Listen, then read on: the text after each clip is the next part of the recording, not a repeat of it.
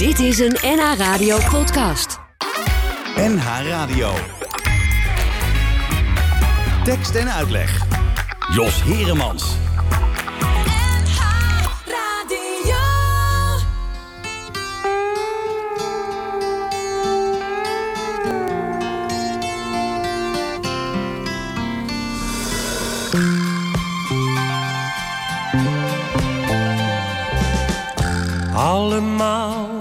Op weg naar niets.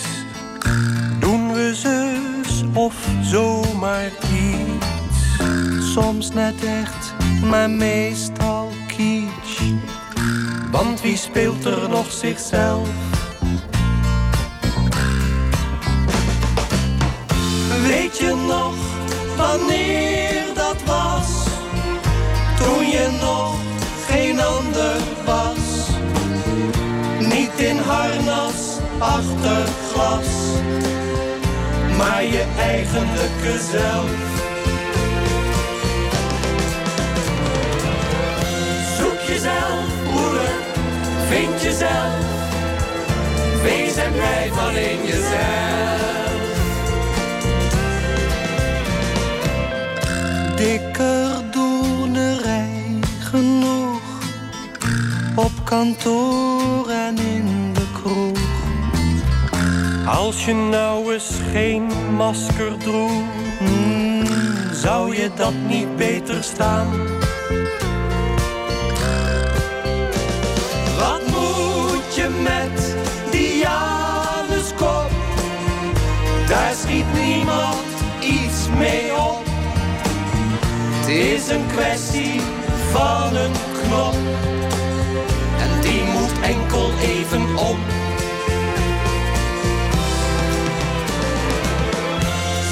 Jezelf, zuster, vind jezelf. Wees en blijf alleen jezelf. De man die op zijn tenen loopt en alleen zichzelf verkoopt en nooit iets in zijn oren knoopt, die gaat nog eens lelijk dood.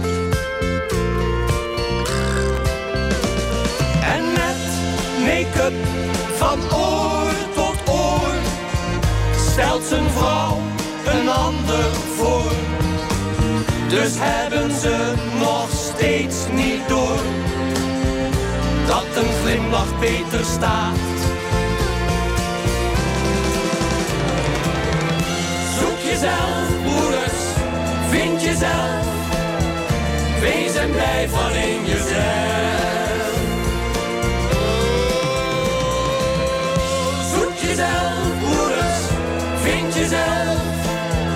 Wees en blijf alleen jezelf.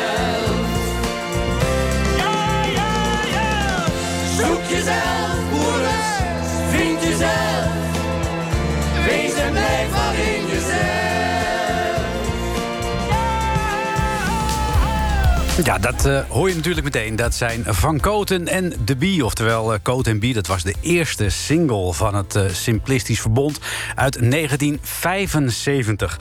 Het was trouwens een country melodie van de countryzanger Waylon Jennings. Jennings. Waylon, ja, Waylon Jennings. En ja, de arrangementen die waren natuurlijk, zoals bij alle liedjes van Van Koten en De Bie, van Tony Eijk. Maar Tony Eijk is vandaag niet te gast in tekst en uitleg op deze zaterdagmiddag. Want dat is Florian Meijer. Onderdeel inmiddels van De Warme Winkel. Vaste acteur van die theatergroep geworden sinds begin van dit jaar. En ook medebedenker van een oprechte ode aan de ironie. Goedemiddag, Florian. Goedemiddag. Ja, laten we eens even beginnen met jou als persoon. Want de voorstelling die komt straks uitgebreid aan bod. jij bent alom in Nederland genoemd als het grote theatertalent der lage landen. hoe is dat om, ja, om die last te dragen? Uh, nou, Er zijn een paar mensen die dat uh, ooit eens hebben ge gezegd. Nee, ik weet niet. Ehm, nee, ja, nee, het is altijd heel, heel leuk natuurlijk als, als, als mensen enthousiast zijn uh, over, over, over wat je maakt. Maar ik ben ook vaak genoeg. Uh, ik heb ook slechte recensies en zo gekregen hoor. Dus, ja, maar dat zijn er niet zoveel. en toen zat je waarschijnlijk nog op de kleuterschool. nee, nou, daarna ook nog wel. Nee, maar dit, en het is heel, heel leuk om. om dit is toch. ja, wel mijn passie dit. Dus als het dan gezien wordt en, en, en, hm. en je de ruimte krijgt ook om te maken. Want dat is natuurlijk het belangrijkste. Dus als ik bij de warme winkel uh, dat heb gekregen, dat is echt heel. Uh, alleen maar heel fijn. Ja, je krijgt daar de ruimte. Uh, heb je die ruimte altijd gehad? Hoe was dat in jouw jeugd? Je, je zegt, die passie heb je. Nou, daar word je meestal mee geboren. Ja, ja, dus dat denk ik ook wel. Want ik denk dat heel veel kinderen, of eh, niet alle kinderen, maar veel kinderen, die spelen wel toneelstukjes en zo. En dat deed ik ook altijd. Maar bij mij stopte dat niet. Dat ging gewoon door. Waar stond jouw wieg overigens? Amsterdam. In Amsterdam, ja. ja. Um, en ben je opgegroeid zo in de Nieuwmarktbuurt daar. Oh, Oké. En um, dus, uh, dus ik deed dat eigenlijk altijd. En mijn ouders houden, zijn, houden heel erg van kunst. Die, die zijn zelf geen, maken zelf geen kunst, maar die houden er heel erg van. Dus namen we wel altijd mee naar, vooral veel naar musea en naar muziek en zo. Dus er was wel altijd heel veel kunst in huis en heel veel liefde voor kunst. En ze sleepte je ook mee naar de Krakeling en dergelijke? Ja, dat soort plekken, ja. ja. en naar de Schouwburg. En, um, en eigenlijk misschien toneel nog wel het minst, of theater hm. het minst. Dus eigenlijk vooral musea en, en veel muziek. Um, dus echt alle, alle musea van Nederland had ik op mijn negende wel gezien. Die had je wel gezien, ja. En, en, eh, was er toen meteen ook al een bepaald genre uh, dat je aansprak qua beeldende kunst in, in, in musea? Nou, weet, weet, ik eigenlijk niet. Ik denk wel, ik veel werk wat ik maak gaat ook wel vaak over zo uh, een soort romantische manier van leven. Dus ik mm -hmm. gebruik ook vaak oude klassiekers als Oorlog en Vrede. Of recentelijk nog Lady Chatterley's Lover van D.H. Lawrence, een boek. Dus ik denk dat ik wel altijd heel erg van, van, uh, van een soort romantische kunst hield. Of mm. ik, had, ik was van jongs af aan echt ook al een, vanaf mijn zeven een soort royalty watcher. Dus echt ik, ja, ik had heel erg van het Koningshuis. Dus alles, alles, ik ging ook met mijn uh, kinderfeestje toen ik negen werd naar het paleis op de Dam en zo. Dus dat waren echt meer mijn lievelingsmusea. Ah. Paleizen en Sisi vond ik fantastisch. En een keer naar Wenen gaan, toen wou ik al die paleizen van Sisi bezoeken. Dus ik denk, wat eigenlijk tot de schrik van mijn ouders, want die houden meer van moderne kunst. Oh, oké. Dus, uh, en zijn republikein. republikein. Zeker mijn vader is zwaar republikein, dus dat is altijd een soort uh, een, uh, een, prima strijd geweest. Maar dat, daar, dus daar, daar ging altijd mijn voorliefde meer naar uit. Ja. ja, dus jij keek ook naar de schilderijen met mensen in mooie gewaden. Ja, en... echt zo in, in kostuums en, en een vrouw in mooie jurken en zo. Dat vond ik allemaal echt fantastisch. Ja. ja. En wanneer wist jij, ik wil toneelspeler worden? Ja, dat zat er wel vroeg in. Dus ik hm. hield, eerst was het dan uh, echt, toen ik acht was of zo, riep ik: ik wil musicalster worden. Mm -hmm. uh, want dat was dan wat, wat ik kende. En, uh, en dat werd op een gegeven moment meer theater. En toen dacht ik ook: wil acteur worden. En nog later, eigenlijk pas toen ik vanaf de middelbare school mm -hmm. kwam, kwam ik erachter. Er bestaat ook een opleiding waarbij je zowel kan maken als spelen. Namelijk mm -hmm. de performanceopleiding in Maastricht op de toneelacademie daar. Ja. En toen dacht ik: oh ja, dat, dat, dat klopt volgens mij helemaal. Dat ik en mag spelen, ja. maar ook zelf mag maken wat ik ja, wat, je, wat je wil spelen. Dus, Maar ja, dan moet je wel naar Maastricht. Ja, en ben je, ben je 16, 17. Ja, ik was ietsje ouder. Ik was, uh, toen ik de auditie deed, was ik 21. Want ik heb oh, eerst okay. nog in Amsterdam cultuurwetenschappen bachelor gedaan. Dus ik was 21 toen ik daarmee klaar was. Je was op een dwaalspoor geraakt? Ik was een beetje op een dwaalspoor geraakt. Ook uit angst hoor. Want ik, ik, uh, wilde, ik riep dat wel, dat ik naar toneelschool wil, maar ik wilde. Maar ik was ook gewoon angstig. En ik uh, was een keer afgewezen. En toen dacht ik, nou, hmm. hierna nooit meer. Ik zweer het ah. theater af. En waar was je bang voor dan? Dat, dat je niet goed genoeg zou zijn? Ja, want dat is toch heel eng zo'n auditie. Dat je zo, hmm. doen echt wat duizenden mensen auditie. En dan kunnen maar, ja. ik veel, tussen de 10 en de 15 mensen aangenomen worden. Ja. Dus ik dacht, ja, als ik dan word afgewezen, dan, blij, dan ja, is dat het oordeel Ach. dat ik het niet kan. Ah, dan kun je nooit meer. Nee, dus ik was, en ik was er één keer was ik dan afgewezen. En toen dacht ik, zie je wel, ik kan het niet. Geen theater meer voor mij. En, uh, maar ik kon het toch niet laten. En toen uh, eerst, eerst echt een dwaalspoor. Of, ik ben, ja. er nog steeds wel blij mee. Of misschien was je gewoon nog niet, uh, zoals je dat dan noemt, nog niet rijp genoeg voor. Ja, dat denk ik ook wel. Want ik ben heel blij dat ik op mijn 21ste dat ben gaan doen. Zo'n hmm. toneelschool is ook heftig. En is, moet je echt wel toch wel hm. redelijk stevig in je schoenen staan.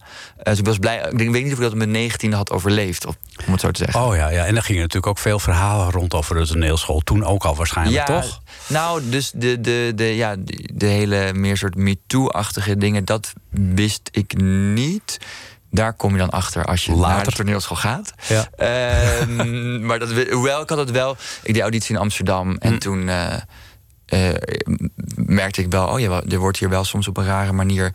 Niet dat dat seksueel was, hm. helemaal niet. Maar er is hier wel een, een sterke hiërarchie. En er worden ja. dingen gezegd.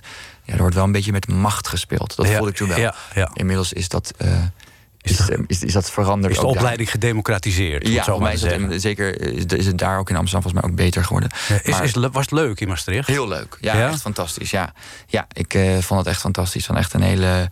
Ja, echt een. En sowieso om als Amsterdammer even. eh, in Maastricht gewoon vier jaar te zitten. Vond ik gewoon echt. Toch wel leuk, ja? Ja, heel leuk. Het is niet zo dat als jij de, de, het Leidseplein uitzicht bent... eh, dat je dan heimwee hebt? Nee, het was, nee, het was, eh, ook omdat ik wel wist, ik ga waarschijnlijk gewoon terug naar Amsterdam, want daar Hm. wonen mijn vrienden en mijn familie. En, en als je theater gaat doen, is de kans vrij groot dat je terug naar Amsterdam gaat. Dus het was ook goed om echt even, ja, dat voelde toch een beetje als buitenland Maastricht, Ja. om daar gewoon even te zijn. En wel, ieder, ik ging wel zeker ieder weekend terug in het begin. En dan was het wel als ik dan, eh, mijn ouders woonden dus bij de Nieuwmarkt en dan stapte ik zo uit de metro bij het Waterloopplein. En dan was het wel echt zo, dan ontspande mijn hele lichaam. Als ik dan Ben je weer thuis? ja, dat geroezemoes en de drukte. En Maastricht is, is prachtig, maar voor mij ook iets misschien te... Te, te rustig en bourgondisch? Ja, Ja. ja. of in ieder geval te, heeft ook iets, nog iets, ook iets reactionairs ergens. Is een Oh beetje- ja? Ja, het is niet een he- hele open-minded stad. En zeker als je niet daar vandaan komt, blijf je toch altijd wel iemand van... Hmm. Ja. Niet uit Maastricht. Niet uit Maastricht. Wat is het belangrijkste dat jij geleerd hebt tijdens die opleiding? Ehm, Oeh, veel. Ik heb, ehm, ik heb daar heel, echt heel veel geleerd. Ik ben echt heel blij met die opleiding. Ik, ik ehm, denk het belang, een van de belangrijkste lessen die ik heb geleerd. We hebben, er was daar een docent, René Lobo, en die is inmiddels overleden. En die was eh, vooral heel belangrijk voor de acteurs. Daar heb ik niet zoveel mee te maken gehad. Maar ehm, een van zijn eh, eh, motto's was, en dat is een zin uit Hamlet: de bereidheid is alles. En dat eh, gaat er eigenlijk over je. ehm, je moet bereid zijn om de wedstrijd te spelen. En, dat, en dan maakt het niet zoveel uit of het lukt of niet lukt, of je verliest Ah, ja. of wint. Het gaat erom dat je alles in de strijd gooit. Je eigenlijk gewoon kwetsbaar opstelt en alles geeft. En dan kan je ook eigenlijk niet meer verliezen. En dat is zo'n. eh, Ik ben best wel een perfectionist en wil het altijd goed doen. En ehm, toch mm, hoort ook bij het vak dat je ook bezig bent met het oordeel, met recensies en dat soort dingen. Maar ja, die zin van hè, de bereidheid is, is alles. Het gaat erom dat je gewoon bereid bent om alles te geven. Ja. Dat, Het is, eh, het is is- alle- alles of niks. Die Ja, je volop dat- in de strijd gooien. Ja, en dan kan je niet meer verliezen eigenlijk. Nee. Ehm, we hadden het net al eventjes eh, over Maastricht en MeToo. Eh Kitty Schippers en Sarah Jane die hebben daar eh, toevallig een nummer over geschreven. Althans, eh, hashtag MeToo heet het. Heeft er helemaal niks met de toneelopleiding te maken hoor. Maar het klinkt gewoon lekker. Jongen, wat doe je nou? Je zoent haar daar, maar wel zei dit nou? Ze doet je weg, je snapt het niet echt. Hm? Jongen, wat doe je nou? Dus ik mee naar zijn huis en ik zit op de bank. Er is niemand thuis en hij stinkt naar de drank. Zijn arm om me heen, zijn hand op mijn knie. Dat wil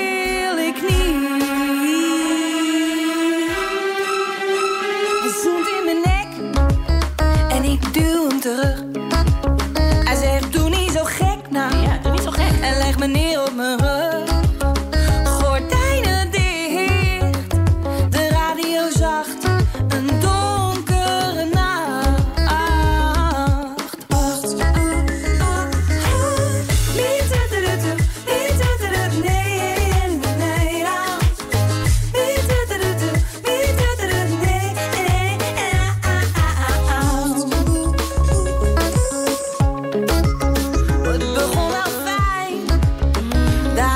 café. Hij betaalde de wijn en ik ging met hem mee.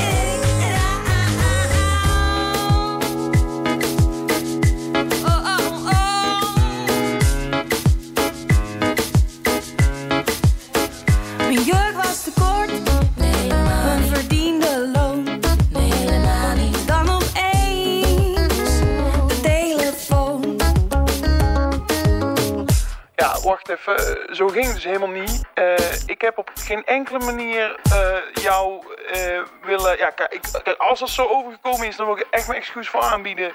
Maar ja, ik had gewoon een leuke avond. En ja, ik hoop eigenlijk je nog een keer te zien. En ik heb echt tien keer geappt. Je hebt niet gereageerd. Ik denk, bel even, maar je bent er weer niet. Nou, ehm houdoe. Ja, zo kan het gaan. Kiki Schippers met eh, Sarah Jane. Me Too. Hashtag MeToo. Dat is de titel van het nummer. En we praten in eh, tekst en uitleg eh, vanmiddag met Florian Meijer. Hij is een van de acteurs in het stuk Een oprechte ode aan de ironie van De Warme Winkel, theatergroep De Warme Winkel. En we waren gebleven, Florian, dat je je opleiding in Maastricht afronde. In die opleiding, nee, op die opleiding in Maastricht ontstaan altijd al eh, samenwerkingsverbanden die vaak eh, levenslang meegaan. Ik eh, noem maar Gijs Scholten van Aschat, eh, die, die daar zat samen met eh Karin Krutse. eh, daar zat natuurlijk Peter Blok bij. Dat clubje is altijd bij Pierre Bokma. Clubjes is altijd bij elkaar gebleven, hebben in vele stukken gespeeld. Jij bent daar ook een samenwerkingsverband aangegaan met Kim Carson. En dat loopt eigenlijk ook nog steeds. Ja, zeker. Ja, ja dat is echt. ja. Daar ben ik heel blij mee. Dat, dat, dat gaat ook nog door. Dus we hebben ook weer in, eh, in maart eh, gaat er een nieuwe voorstelling van ons in première. Oké. Dus ja. ja. Wat is de klik tussen Kim en jou? Ja, weet ik niet. Ik denk, nou, deels dat we heel erg op elkaar lijken. Of we hebben een liefde voor dezelfde dingen. Dus een liefde voor taal en een liefde voor eh, bepaalde gevoeligheid en een emotionaliteit, hoop ik dat in ons werk zit. En dat we heel erg houden van verhalen, maar tegelijkertijd ook van experimenteren met nieuwe vormen. En dat, het, en dat het uit de bocht mag vliegen. En dat het echt nieuw en, en, en gek mag zijn. En, en echt, ja, dat, dat vernieuwende. Ehm, dus eigenlijk die combinatie van hè, en het eren wat er al bestaat en op zoek Ja. gaan naar wat er nog mogelijk is. Eh, maar we zijn ook heel anders. Ik denk dat Kim, Kim zit eigenlijk ook veel meer in de cabarethoek, wie zij is. Zij is echt een soort eh comedienne en ik ben iets serieuzer. Of, en, daar, en daarin kunnen we elkaar wel aanvullen, volgens mij. Ah, Dat, eh, dat is het. Dat versterkt elkaar. ja, dat elkaar toch. Ja. En, en jullie moesten samen een examenvoorstelling maken? Of moesten dat of wilden dat? Ja, dus Kim zat één jaar onder mij. Dus ik, eh, je moet sowieso je moet twee afstudeervoorstellingen maken. Als, eh, dus, en, dus ik moest er twee maken. En Kim zat een jaar onder mij. En, ik, en een van die afstudeervoorstellingen heb ik toen met Kim gemaakt. Ja, Hm, ja. ja. En toen dacht je van, hier moet, dit moeten we vaker gaan doen. Ja. En je- toen zijn jullie eigenlijk allerlei dingen gaan bedenken. Jullie zijn via Frascati bij de warme winkel terechtgekomen. Hoe, is dat, hoe ging dat in zijn werk? Ja, dus ik ging, ja, dus ik ging na mijn opleiding ging ik naar Frascati. Dus ging daar dingen maken. Ook met Kim, maar ook zonder Kim. En ook solo's heb ik daar gemaakt. Dus ik werd vast te maken bij Frascati producties. Ehm, en de warme winkel had ik al in mijn derde jaar op de toneelschool had ik daar ook contact mee gelegd. Van toen liep ik daar stage. Ah. En eh, zij hadden mij een act zien doen op school. En toen vroeg ze naar aanleiding van die act... eh, zou je misschien stage willen komen En heb je toen ook gespeeld? Ja, ja, dus ik speelde mee in die voorstelling. En welke voorstelling was Dat was dat? de meest zwaarmoedige voorstelling ooit... waarvan het hele publiek moet huilen. Oh, een leuk begin. Ja, eh, eh, dat was een jeugdvoorstelling in eh, samenwerking met Theater Artemis met Jetse Ah. Batelaan. Ah ja. En ehm, dus dat was in mijn derde jaar. En ik, ik bewonderde de warme winkel toen al heel erg. Was, Mm. Voordat ik naar toneelschool ging al, vond ik dat echt het, het beste gezelschap dat ik kende. En, ehm, eh, en dus ik had die al veel voorstelling van gezien. En gek genoeg was. eh ze gaven op een gegeven moment ook een les op, bij ons op school, Mhm. een blok. Maar weer een beetje die vermaledijde angst. Dat ik dacht, oh, ik ga niet maar niet dat blok doen, want ik bewonder ze zo erg. Straks, straks klikt het helemaal niet. Oh. En, eh, maar tegelijkertijd deed ik in een ander project. En toen deed ik die act en zij waren komen kijken. En toen zagen ze me die act doen en zeiden ze... ja, maar volgens mij pas je heel erg bij de warmwinkel. Wil je Ja. niet bij ons komen spelen? En zei ik, ja, ik wilde ook eigenlijk dat blok doen... maar ik durfde het niet, maar ik zou wel heel graag bij jullie willen spelen. En sindsdien klopte dat toch wel heel erg. En ben, Ja. ik, bij, ja, ben ik er sinds 1 januari 2021... eh, samen met Wart Weemoff en Vincent Rietveld... de artistiek leiding van het Ja. gezelschap. Ja. Je doet het met z'n drieën. Ja. Onderwijl is Mara van Vlijmen, ook een van de vaste Ja. kern van eh, de warme winkel. Die is opgestapt. ja. Eh, wordt die nog vervangen? Of, eh, Nou, die warmwinkel is altijd in beweging. Dus ook dat ik erbij zit en dat, dat zegt ook wel iets. Dat de laatste keer dat dat is gebeurd is eigenlijk tien jaar daarvoor geweest. Toen is Bart erbij gekomen.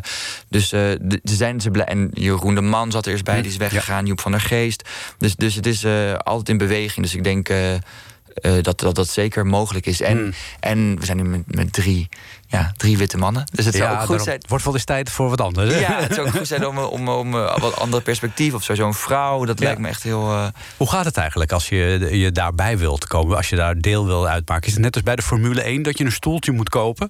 Eh, nou, nee, ja, dus ik, ze, ik ze- had al wel veel met hun gewerkt. En ik, ik- dus ik deed die stage en ik, en ik eh, had heel erg betrokken bij mijn projecten bij Frascati. Dus eh Wart Weemoff deed een eindregie af en toe of een coaching. En, en ik speelde mee in Gesualdo. was een voorstelling die we voor het Holland Festival maakten in 2018. Dus de, die samenwerking die bleef gewoon de hele tijd gaan. En toen ehm, op een gegeven moment kreeg ik een eh, mailtje van... ehm, kom je, weet ik veel, over twee weken langs op kantoor... want we willen een gesprek hebben over je toekomst. En toen wist ik al... Lekker ruim ook. Ja, toen, maar toen wist ik al hoe laat het was. Ja. En, ehm, en dat vond ik heel leuk, maar was tegelijkertijd ook wel... Ik zei, ja, ik vind het heel leuk om erbij te komen... maar zij zijn natuurlijk Ja. een collectief echt. Ja. En ik ben meer een autonoom maker. Dus ik vond het wel Mm. belangrijk om binnen het collectief... ook mijn eigen ruimte te hebben om zelf dingen te maken. En dat heb ik ook gelijk op tafel gelegd. Wat zeiden ze toen? Ze zei, nou, ik dacht wel, ik zag wel eerst even zoiets van: oké, oh, oh, oh, ja, eh, ja, het, ik, ik kwam natuurlijk wel met, nou niet met voorwaarden, maar wel met. eh, ik was heel enthousiast, maar wel, ja, ik probeerde ook iets te bewaken. Ja. En, ehm, en dat snapte ze ook heel wel. wel. En toen kwamen zij van, nou ja, is het dan een idee dat we gewoon zeggen... één keer per theaterseizoen heb je gewoon carte blanche. Mag jij doen wat je wil, met wie je wil. En één keer per seizoen doe je iets met ons. En dat is de ironievoorstelling bijvoorbeeld. Zo. En Lady Charity's Lover, wat ik hiervoor heb gemaakt... is dan zo'n carte blanche project. Ah ja. En dat is dan nu zo de, eh, de constructie. En dat bevalt ons volgens mij ons beiden Ja. heel goed. En krijg je, heb je genoeg inbreng? Want je, je, de- je zit twee, met twee van die oude rotten. Ja, ja. En dan kom jij als jonge jongen eh, kom je daarbij. En, Ja. Nou ja, jonge jongen, je bent inmiddels ook bijna 30. Ja. Maar eh, als nieuwkomer. ja. En dan moet je die, ja, die ervaren rotten een beetje zeggen van... nee, maar volgens mij kun je het beter zo doen. Ja, ja, ja. nee, dat is soms even, even mijn stem verheffen. Of, en, en, en even zoeken. Ze, ze bestaan ook al langzaam, ook al Hmm. twintig jaar. En met een va- vaste dynamiek ook wel. Eh, en ik ben ook anders. En op sommige punten kom ik heel erg overeen. Mhm. En op sommige punten ben ik echt anders. En, en dus daar ben ik nog steeds zo, soms even aan het zoeken. Van, oh ja, hoe moet ik dit, eh, hoe moet ik dit aangaan? En soms gaat het, gaat het gewoon helemaal vanzelf. En, en het is ook vaak echt heel leuk. Ehm, maar eh, dus dat is soms. En, en, en zij zijn, ja, ze zijn een collectief. Dus het gaat ook heel erg over dat iedereen, ieder stem mag gehoord worden. Maar dat betekent soms ook dat je hard moet schreeuwen om, er te- gehoord om gehoord te worden. worden, ja, ja, ja. Ehm, dus dat is soms even voor En ik ben meer gewend om, nou ja, gewoon meer een soort. Samen met Kim bijvoorbeeld, dan zijn we met z'n tweeën, nemen wij gewoon de lead. Ja, en dan ben je misschien ook zo eh, versmolten al met elkaar... dat je eigenlijk niet eens meer hoeft te overleggen. Ja, precies. Dat is soms even een soort van. Maar ik vind het ook wel leuk en een uitdaging om daar. Om dat op mijn manier te doen en dicht bij mezelf te blijven. En, en, eh, en ja, dat ik ook denk, oh, ik kan heel veel van hen leren. Echt ontzettend veel. Maar ik kom ook iets brengen. En, Ja. daar, eh, en dat moet ik ook wel nou, eh, tegen mezelf af en toe zeggen van... oh ja, wacht, ik kom hier ook iets brengen. Ja, nou, je hebt heel veel gebracht eh, bij de voorstelling. eh, een oprechte ode aan de ironie. Eh, daar gaan we het zo dadelijk over hebben. Eerst Maarten van Roosendaal. Veel te vroeg, de wekker gaat. Buiten is nog licht, dat klote apparaat. Moet je dus opstaan, dekbed opzij. Eerst één voet eruit, dan allebei. Erop gaan staan, 80 kilo zwaar. Elke dag weer, jaar na jaar. Dan in bad, wat een theater, al dat schuim en al dat water. En dan ook nog met zeep in je ogen, dat hele lichaam weer afstaan drogen. In de kleren van top tot teen, je broek, je hemd, je trui eroverheen. Je sokken, pantoffels, wil je gaan eten, kan alles opnieuw. Onderbroek vergeten. Oh, als ik maar dood. Wat een gedoe. Elke dag weer leven. Het maakt me zo moe. En als je dan nog kan, zet het op lopen, want daar zijn de gordijnen en die moeten open. Je ogen doen zeer van al dat zicht en dan de wereld die daarachter ligt. Mensen hier en mensen daar en overal mensen en ze doen maar. Ze bouwen een carrière, hebben een kater, halen de bus of ze springen in het water. De een is rijk, steekt naar koude kak, de ander arm, vreet uit een vuilnisbak. Al die huizen met al die daken en al die fietsen met al die spaken en al die auto's en al dat geld en al die vrede en al dat geweld. Oh, als ik maar dood. Wat gedoe. Elke dag die wereld, het maakt me zo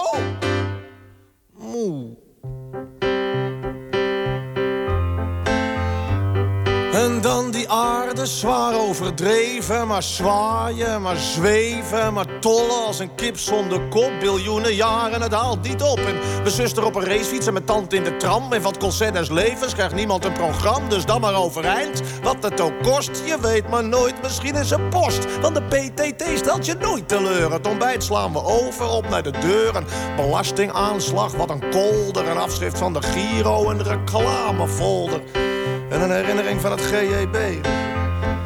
Dus daar sta ik dan, blauw van de kou en weer en weer en weer geen brief van jou. Weer geen brief van jou. Weer geen brief van jou. Weer geen brief van jou.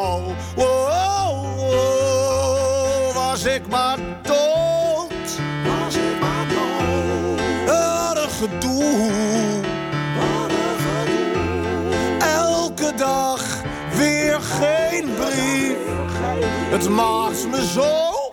En het maakt me zo. En het maakt me zo. En het maakt me zo. En het maakt me zo moe. Laatst nog een eh, prachtig mooie documentaire in Tuur van de Wolf over eh, Maarten van Roosendaal. Ook nog een ode aan Maarten van Roosendaal in eh Matthijs eh, Draai Door, Ga Door. en ja, zo blijft hij in de belangstelling staan. En dat is zeer terecht, want hij maakte prachtig mooie nummers. Maarten van Roosendaal met Moe. We praten in tekst en uitleg eh, vanmiddag met eh, Florian Meijer. Hij maakt eh, deel uit van De Warme Winkel. En De Warme Winkel maakt altijd spraakmakende voorstellingen. Zo kennen we De Warme Winkel bijvoorbeeld van het fantastische Drie Musketeers in het Amsterdamse Bostheater.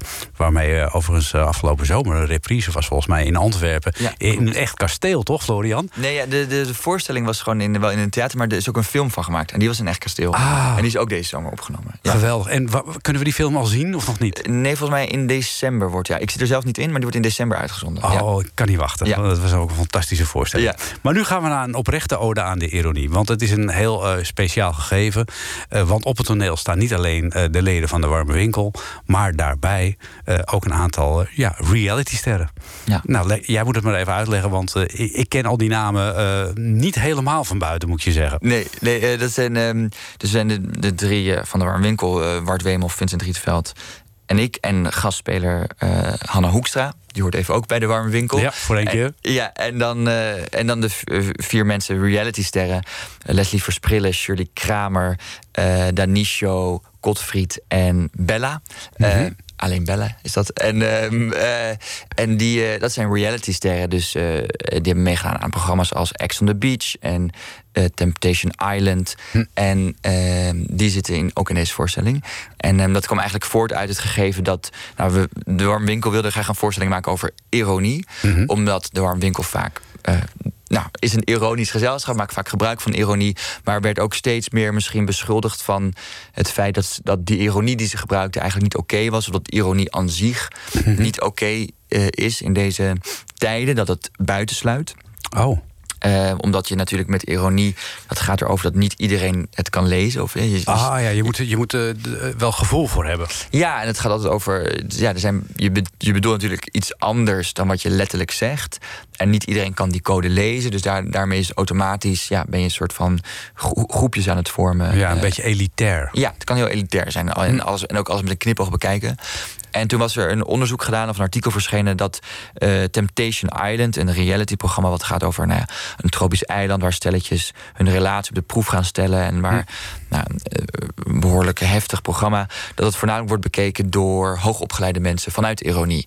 Eigenlijk een beetje neerkijken op vanuit elitair Ja. oogpunt... en ook een beetje lachen, zo van... oh, dit zouden wij nooit doen, maar hilarisch om naar Maar te kijken. ondertussen. Ja, nou, toen dacht ik, wat, wat, als we dan toch over ironie gaan hebben, laten we dan met die mensen Mhm. die aan zo'n programma meedoen, dat stelfiguur onderzoeken. En de setting van de voorstelling is ook echt een Temptation Island setting met een villa, een jacuzzi en een bar. En eh, wij zijn met z'n achter op dat eiland. En ja, onderzoeken de ironie, om het zo maar te zeggen. En, en wanneer eh, is die zoektocht begonnen? Zijn jullie die zoektocht direct begonnen met uh, de realitysterren erbij? Of hebben jullie eerst vanuit het toneel uh, die zoektocht ja, begonnen? Nou, de, de, er is altijd een aanloop naar een repetitieproces en vooronderzoek. En dat was echt gewoon met, met de warme winkel. Dus veel erover lezen en het er veel over hebben. En kijk je nou ook al die afleveringen terug? Ja, ik had toevallig Temptation Island, had ik al wat dingen van gezien. En daarna ook nog een beetje gekeken. Maar moet eerlijk zeggen, het is niet helemaal mijn lievelingsprogramma. Mm -hmm. Om het zo maar te zeggen. Dus ik, vond het, ik, ik keek daar niet heel graag naar. Ik dacht, oh ja, ik vind het wel heel fascinerend. Maar ik word er niet altijd heel uh, vrolijk van of zo. Er wordt ook veel gevochten en zo. En dan denk ik, altijd, ik denk altijd dat het gescript is. Ja, het is altijd drama. Het is altijd hysterisch. Je denkt ook wel, hoe, hoe, hoe kan het? Maar ja, volgens mij, als ik ook al mijn collega's nu mag geloven, is het allemaal echt. Echt waar? Ja, en er wordt natuurlijk zit veel drank in het spel. En snap je, er wordt wel behoorlijk. Ja, ja. gemanipuleerd, om het zo maar te zeggen. Om, Ja. het, om, om die emoties... Sfeer te creëren, Ja, ja. om die sfeer te creëren. Ja. Ehm, dus, eh, maar we eigenlijk vanaf het moment één van het repetitieproces... eh, gingen we wel met hun aan de slag. En het was wel zo, zij kwamen dan twee of drie dagen per week repeteren met ons... en de rest van de week repeteerden we dan zonder hen. Dus eh, dan konden we even reflecteren op... oh ja, gisteren met, met die realitysterren gerepeteerd. Hoe was dat? Wat voor scènes werkt? Oké, dan gingen we weer werken en dan kwamen ze een dag later weer. Ja. Ehm, en eigenlijk zou deze voorstelling voor de eerste lockdown in première gaan. Ja. In, eh, dus toen, ehm, eh, ja, dus die, voor, dus die voorstelling was al af. En intussen zijn, dus we hebben een paar mensen moeten vervangen. Hm. Omdat ja, iemand werd zwanger, iemand kreeg een andere baan. Dus, eh, dus het repetitieproces was nu weer anders Ja. bij deze versie. En de realitysterren die zijn ook eh, weer veranderd. Hè? ja, Wat- voornamelijk wat- die. Dus eigenlijk zijn nu eh, alle realitysterren zijn veranderd. En één van de warmwinkelmensen is... Ja, want is Hanna Hoekstra in plaats van Mara van Vlijmen gekomen? Nee, in plaats van Marieke de Zwaan. Ah. Dus Mara van Vlijmen die, die zou zo- sowieso niet meedoen. En Marieke de Zwaan, die ook in de Musketeers speelde... die zou er eerst in zitten, maar die is naar Berlijn vertrokken... om daar een filmopleiding te doen. Ja. Dus die kon, en die kon dan Die niet, kon- nee, is niet te combineren Nee, met een nee, toertje. nee, nee.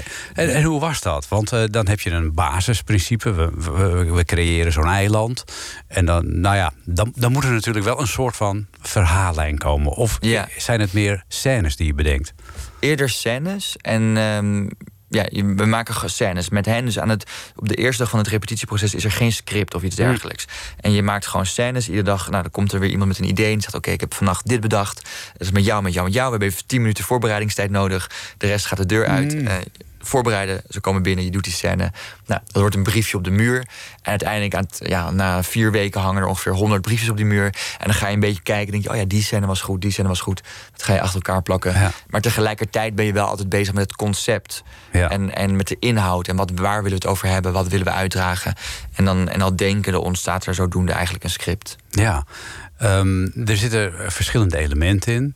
Ehm, jullie beginnen eigenlijk met eh, het eerste half uur, zou ik willen zeggen, dat je de realitysterren eigenlijk niet heel serieus neemt. Maar naarmate de voorstelling vordert, worden zij steeds belangrijker. Ja. Ja, ja het is ergens ook belangrijk om. Het gaat over ironie en ook over de. Nou, wat ik net zei, dat ironie ook vaak wordt bekritiseerd.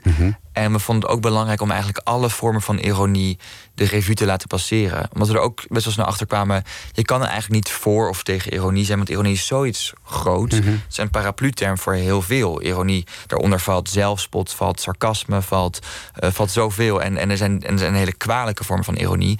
Namelijk nou ja, bijvoorbeeld ironie die naar beneden trapt.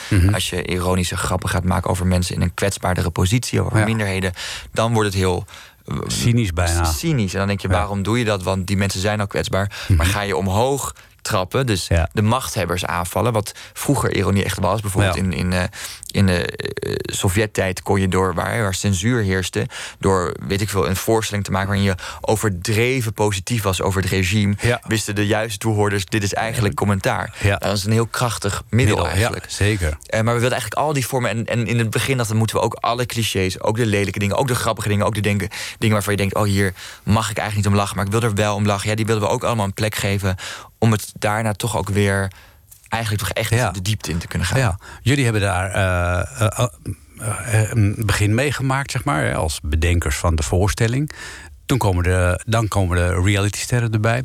Ehm, ik vind het wel weer knap van die reality-sterren... dat ze daar gewoon met, ja, in hun bikini en in hun zwembroek... op dat toneel gaan staan, in al hun kwetsbaarheid. Ja. En schijnbaar onaangedaan die hele voorstelling spelen. Ze voelden zich totaal niet bekeken... alsof het de normaalste zaak van de wereld is. Ja. Dat is eigenlijk beter dan de beste acteur zou kunnen doen. Ja, ik kijk ook wel vaak met bewondering naar hoor. Zij dat ze dat doen. En ook dat je ook soms denkt: oh, wat is nou het verschil tussen. tussen wat, ze hebben, wij hebben dan inderdaad een toneelschool gedaan, vier jaar voor getraind. En, dan, en zij niet maar. Ze lopen daar met een, met een gemak en Ja. met een soort een naturel eigenlijk over dat podium. Ehm, en inderdaad, wat je zegt, ook heel kwetsbaar en heel. Daar kijk ik ook met heel veel bewondering naar dat zij ons daarin vertrouwen. En eh, ook vertrouwen dat er. Ja, er worden ook boute uitspraken gedaan. Ja. Maar die zijn wel ten dienste van. Dus nooit de bedoeling. Die zijn ten dienste van die schoters. Het is niet de bedoeling Nee. dat, dat wij hun helemaal eh, op de hak nemen. Maar als we dat doen, dan, dan hoort dat natuurlijk eigenlijk bij een groter verhaal wat we Ja. willen vertellen in die voorstelling. En hopelijk komen wij er ook eh, niet zonder kleerscheuren uit. Zeker niet, zeker Nee, niet. dus dat- Was het lastig om, eh, om, om connectie te krijgen? Als, eh, want ja, jullie komen uit een heel andere wereld dan de reality-sterren. Je, en, je moet samen dat toneel op, je moet samen de- in de kleedkamer zitten. Of hebben jullie al ook nog aparte kleedkamers? Nee, dat, dat, dat mingelt wel helemaal. Ja. En dat is ook echt heel leuk.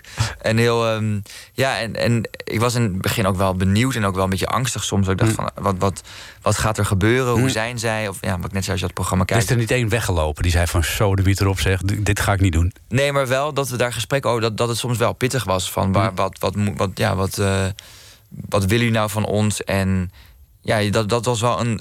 Zeker met dus die oude cast, Mhm. waarmee we het eigenlijk echt hebben gemaakt. En, ehm, was het echt wel ook eh, dat die, die dialoog gewoon met hen Mhm. aangaan. Van oké, dat is in gesprek blijven. En dan, en dan is er, ontstaat er soms zeker conflict. En dan is het zeker van, hé, maar dit.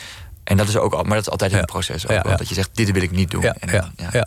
Ik was bij een voorstelling, daar was ook een nabespreking bij. Toen kwam in de nabespreking kwam ook ter sprake van... eh, wat kwam de vraag ook eh, aan Leslie... Ja. van eh, raad je jouw vriendinnen nou ook aan om hier naar te gaan kijken? Ja, Zei ja. ze, nou nee, dat denk ik niet, want Nee. die vinden dit niet leuk. Ja.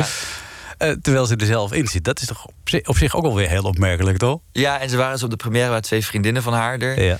En ehm, nou, die hebben de, dat, dat merkte ik, we zaten op de derde rij. Die hebben de hele avond in een scheur ge- gelegen. Die, die, die, kon, die waren aan het huilen van het lachen. en, ik, en ik zei, oh, vonden ze het leuk? Ze nee, ze vonden het verschrikkelijk. Maar ze vonden het gewoon vonden het hilarisch om, om, zei ze, om mij in die setting te zien. Ja, ja, ja. En eh, maar dat vond ik ook heel grappig. Oh, ja, die, ja, d- terwijl je hoort ook wel van bijvoorbeeld zo een Shirley, een andere Mhm. reality ster die meedoet, dat haar moeder het fantastisch vond. En die was helemaal vond het, vond het. Ja. hilarisch. En, eh, en niet alleen omdat ze Shirley in die gekke context zag, maar Nee, ook gewoon precies. de grappen en, en alles. Ja. Ja. Hebben jullie meer ehm, eh, zicht gekregen op elkaars leefwereld... door, deze, door die samenwerking? Zeker, ja. Dus je, je, ja, je hebt natuurlijk ook tijdens de lunch of na afloop, je praat heel veel. En, en, en, en zo'n montageweek, dat is de week voor de première. Dan zit je met z'n allen, we zaten dan in Den Helder. Mhm. Oh ja. en, in, in, en dan moeten we daar in een theater spelen en, en zaten we in een hotel. En ja, en dan, dan, dan, dan ben je gewoon eigenlijk op een soort van kamp. Dus je ziet Ja. elkaar gewoon bijna een soort 24-7. Dus je komt er wel heel dicht bij elkaar en je leert elkaar echt kennen. En, en ik, ik vond het alleen maar heel erg leuk met hen. En, en, en je leert ook, ja, wat jij net zei, je komt uit andere werelden. Mm. Maar je leert ook gewoon dat het ook wel weer meevalt. Mhm. En soms ook niet. Soms denk je, oh ja, we hebben echt andere interesses. Ja. Ehm, maar je deelt ook heel veel. Je deelt Ja. humor, je deelt een soort menselijkheid. Hm. Eh, en dat is denk ik heel belangrijk. Zou jij zelf op een eh, Temptation Island gaan zitten? Nee, ik had toev- toevallig bij de lunch over met, eh bij, met de Warwinkel, een ander theatergezelschap. Ehm, nee, we waren wel benieuwd over wat zou je doen als wat zou er gebeuren als je nou, alle- allemaal weet ik veel theatermakers of weet ik Ja, precies, op, dat eiland zou zetten. Wat zou er gebeuren? Ehm, nee, ja, ik denk dat dat nee, ik, ik eh, dat lijkt me eigenlijk is niks voor mij. Maar ik, ik zou ook al niet meedoen aan Expeditie Robinson of zo. Mm. Daar- ik, ik word daar al helemaal, eh, ik krijg dan benauwd Ja. bij de gedachte. Ja, ik stel deze vraag omdat dezelfde vraag ook aan Leslie werd gesteld: van zou jij niet in een gewoon toneelstuk eh, willen spelen? Ja. Toen zei ze van nee, dat ga ik niet doen. Ik kan met, op, op tv verdien ik veel meer. Ja, ja, ja, ja. nou, ja, ja. Nou, en dat is natuurlijk ook wel een beetje waarom ze aan, aan die programma's meedoen. Dat is echt een, ja, een Goeie enorm business. businessmodel. Ja. Want zij hebben, nou Leslie heeft nu weet ik veel, door, door aan Ex on the Beach mee te doen, heeft zij 250.000 Instagram-volgers opeens. Hm. En daar, nou, dat is gewoon echt een, een ja, dat, dat gaat lekker. Dat is ook eh, goed, eh, goed voor je eh, inkomen, toch? Ja, ja, zeker, Ja, ja. ja, ja. En jij bent gewoon in dienst bij de warme winkel. Precies, Ja, dat- ja, ach, ja, met- met ja, verschil minder zijn. volgers, Ja. ja. met minder volgers ook nog eens een keer. We gaan naar Sophie Straat.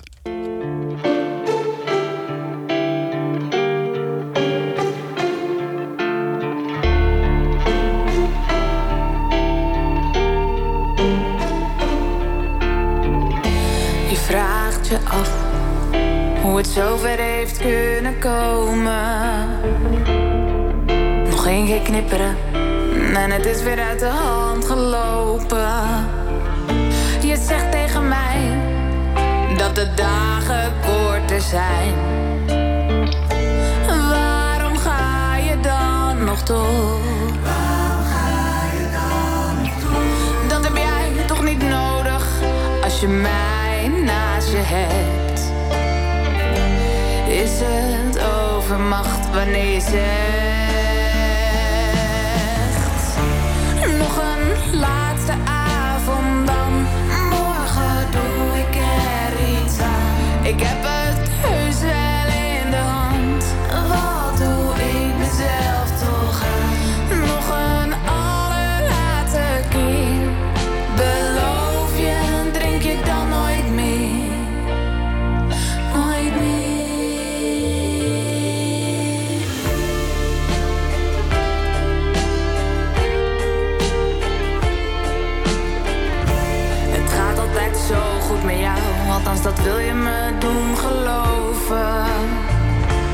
Alleen zijn lukt je nooit, wat is het wat je wilt verdoven?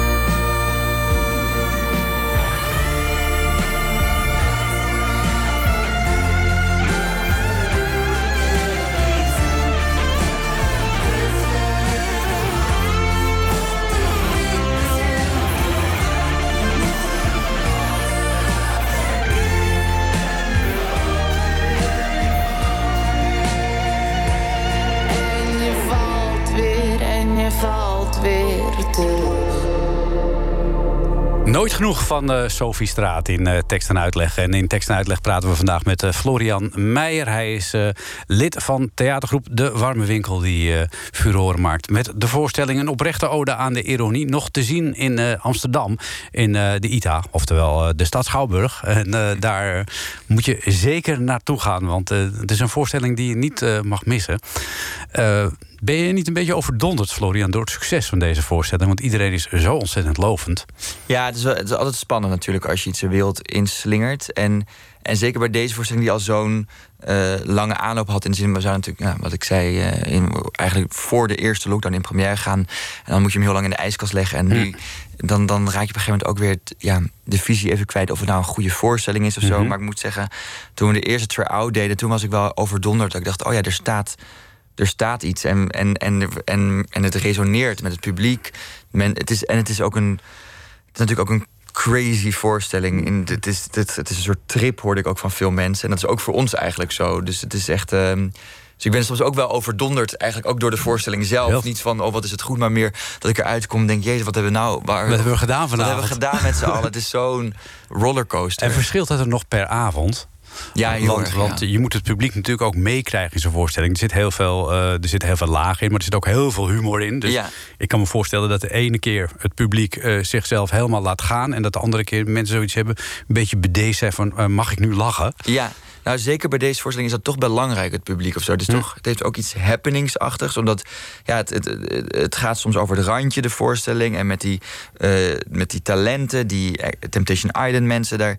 Dat, is ook, dat zorgt ook voor een soort extra spanningslaag. Dus ja, en, en, en nou, waar we het over he- hebben met ironie. Dat, er zijn ook heel veel tegenstanders van ironie. Dus soms denk je ook van, oh, zitten er allemaal mensen in de zaal die het allemaal niet oké vinden wat we doen. Daar is, dat is ook een soort spanningsveld. Dus het is wel. Het publiek is heel belangrijk bij deze voorstelling. Ja. Hoofdrol is voor jou eigenlijk het hoogtepunt van de voorstelling. Een monoloog over ironie. Ja. Heb je die zelf geschreven? Eh, ja. ja, ja, ja, ik, eh, ja, ja. Wel in opdracht van de eh, Bart. Die zei, misschien moet jij daar maar eens een tekst over schrijven. Over, ook omdat ik dus toch een andere generatie ben. En minder, mijn werk is minder ironisch dan dat van de warme winkel eigenlijk. Dus je houdt ze eigenlijk een spiegel voor eh, je tegenspelers. Ja, ik laat ze even zien waar, wat, wat de kwalijke kant van ironie is. Wat, als je alleen maar ironisch bent, hoe lelijk dat kan zijn. En Hmm. dat, dus, dat, eh, dus toen heb ik die tekst geschreven en, nou, en her en daar nog wat dingetjes vandaan geplukt. Ehm, iemand op Facebook had ooit eens geschreven over de warme winkel, heel kritisch. Toen heb ik daar nog wat gedachten uitgehaald. En, ehm, en dat is ook heel leuk om te doen Hmm. eigenlijk. En ook vind ik ook belangrijk dat ook, ja, toch ook dat, dat geluid in die voorstelling wordt Ja. gehoord. Ja. Je kunt het maar een keer of 20, 25 doen en dan is het alweer klaar. Is Ja. dat niet zonde? Ja, zeker. Ook, dit is, is ook zo'n giga voorstelling dit. Hm. Zo'n, denk je, oh ja, dan is het uh, oh, nou, 8 december of zo is de laatste. Ja. Dat is dan wel, uh, maar hopelijk, ja, hopelijk da daarna nog vaker. Dat zou ik eigenlijk wel heel leuk vinden. Ja, is, is daar uh, sprake van dat jullie in reprise kunnen? Ik heb er eigenlijk helemaal nog niks over gehoord. Het is Hm. natuurlijk wel echt een, ja, een gigaproductie. En, en ja, die, de realitysterren moeten natuurlijk wel kunnen en willen. Maar daar zijn er een heleboel van. Ja, die zou, die zou je dan weer moeten vervangen. Oh, ja. ja. nou, ja, dat zou kunnen. Ja, ik heb er eigenlijk nog niks over gehoord, maar ik zou wie weet, moet het gewoon met, ieder, Ja. met iedere nieuwe lichting. eh, ja, dat zou leuk zijn. leuk. Wel, ik ben wel echt gehecht aan, aan dit clubje. Dus ik zou het liefst wel met dit clubje dat gewoon weer blijven doen. Ja. Nou ja, wie weet. Ja. en eh, eh, zitten er voor jou zelf nog nieuwe voorstellingen in het verschiet? Ben je bezig met, met iets te maken? Ja, zeker. Dus ik ga weer met Kim Karsten iets maken. Eh, en dat maken we dit keer ook met Ludwig Bindervoet, acteur en theatermaker, onder andere bekend van Oerland gezelschap. Wij gaan 26 maart in première met de voorstelling Man, Man, Man. Eh, en dat gaat over de familie Mann. Dus Thomas Mann, de schrijver, Ah. en zijn zes kinderen eh, en zijn vrouw Katja. En we willen het over familie hebben en familieverbanden en kunst versus familie. Omdat al die kinderen ook allemaal kunstenaars zijn geworden. Mm. En omdat die familie ontzettend hecht en close was, maar tegelijkertijd ook bikkel, bikkel hard voor elkaar. En alles in de publieke ruimte uitvochten. Dus Oh. door, door middel van hun romans eh, dan weer elkaar de les lazen. En personages opvoerden waarvan je dacht: oh ja, dit, volgens mij staat deze man symbool voor jouw vader. En wil je hem even de les lezen. Dus eh, daar gaan we Ah. 26 maart hier in Amsterdam in uh, Frascati in première. Een toneelvoorstelling over de mannetjes. De mannetjes, ja. nou, Ja. Ik ben benieuwd. Ja. Oké. Ik vond het heel erg leuk dat je er was. Dankjewel, Florian gelijk. Meijer. En eh, heel veel succes eh, met de warme winkel en al die mooie projecten die je doet. Dankjewel.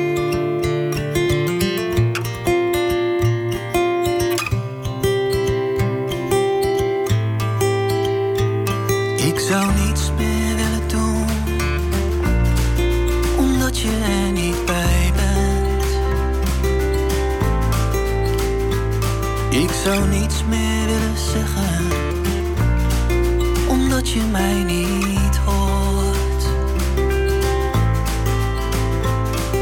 Waarom zou ik nog zingen? Het voelt minder vertrouwd. Niets bij mij komt binnen. De wereld laat me koud. Want alles wat ik deed, deed ik voor jou.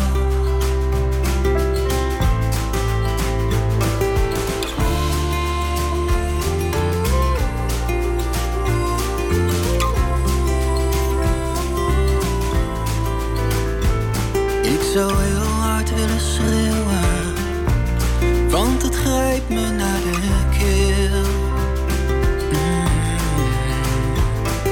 Alsjeblieft, geef mij een teken. Het is al zo lang stil, zo lang stil. Waarom zou ik nog, ik weet niet eens waarvoor. Je zorgde dat het werkte, maar nu draait mijn wereld door. Hoe lang kan ik nog, ik weet niet eens meer hoe. Als ik de weg niet kwijt was, dan kwam ik naar je toe. Als ik de weg niet kwijt was, dan kwam ik naar je toe.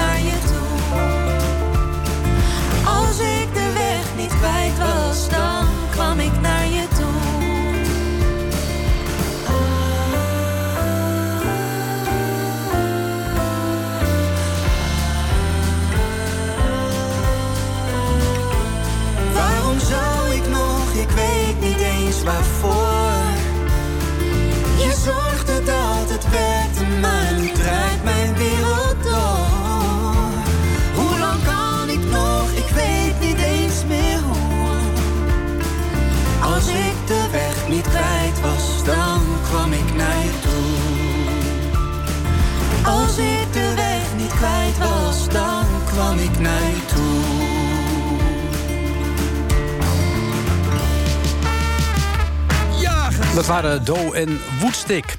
Straks na zessen Ferdy Bolland met het Gouden Hitsmuseum. En ik eh, stuur je de zaterdagavond natuurlijk niet in... zonder een versje uit de bundel Lichte Versen in Zware Tijden. Dat is leuk. In plaats van Sint-tractaties... trakteert de Sint op vaccinaties. Ik wens je nog een gezellige zaterdagavond.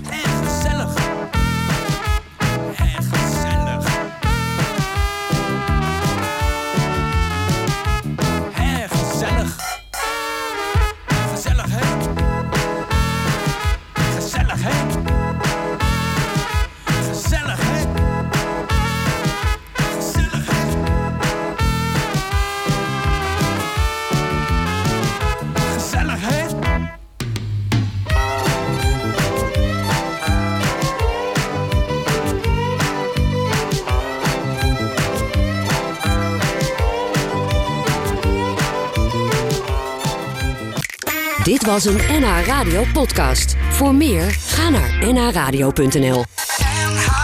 Radio.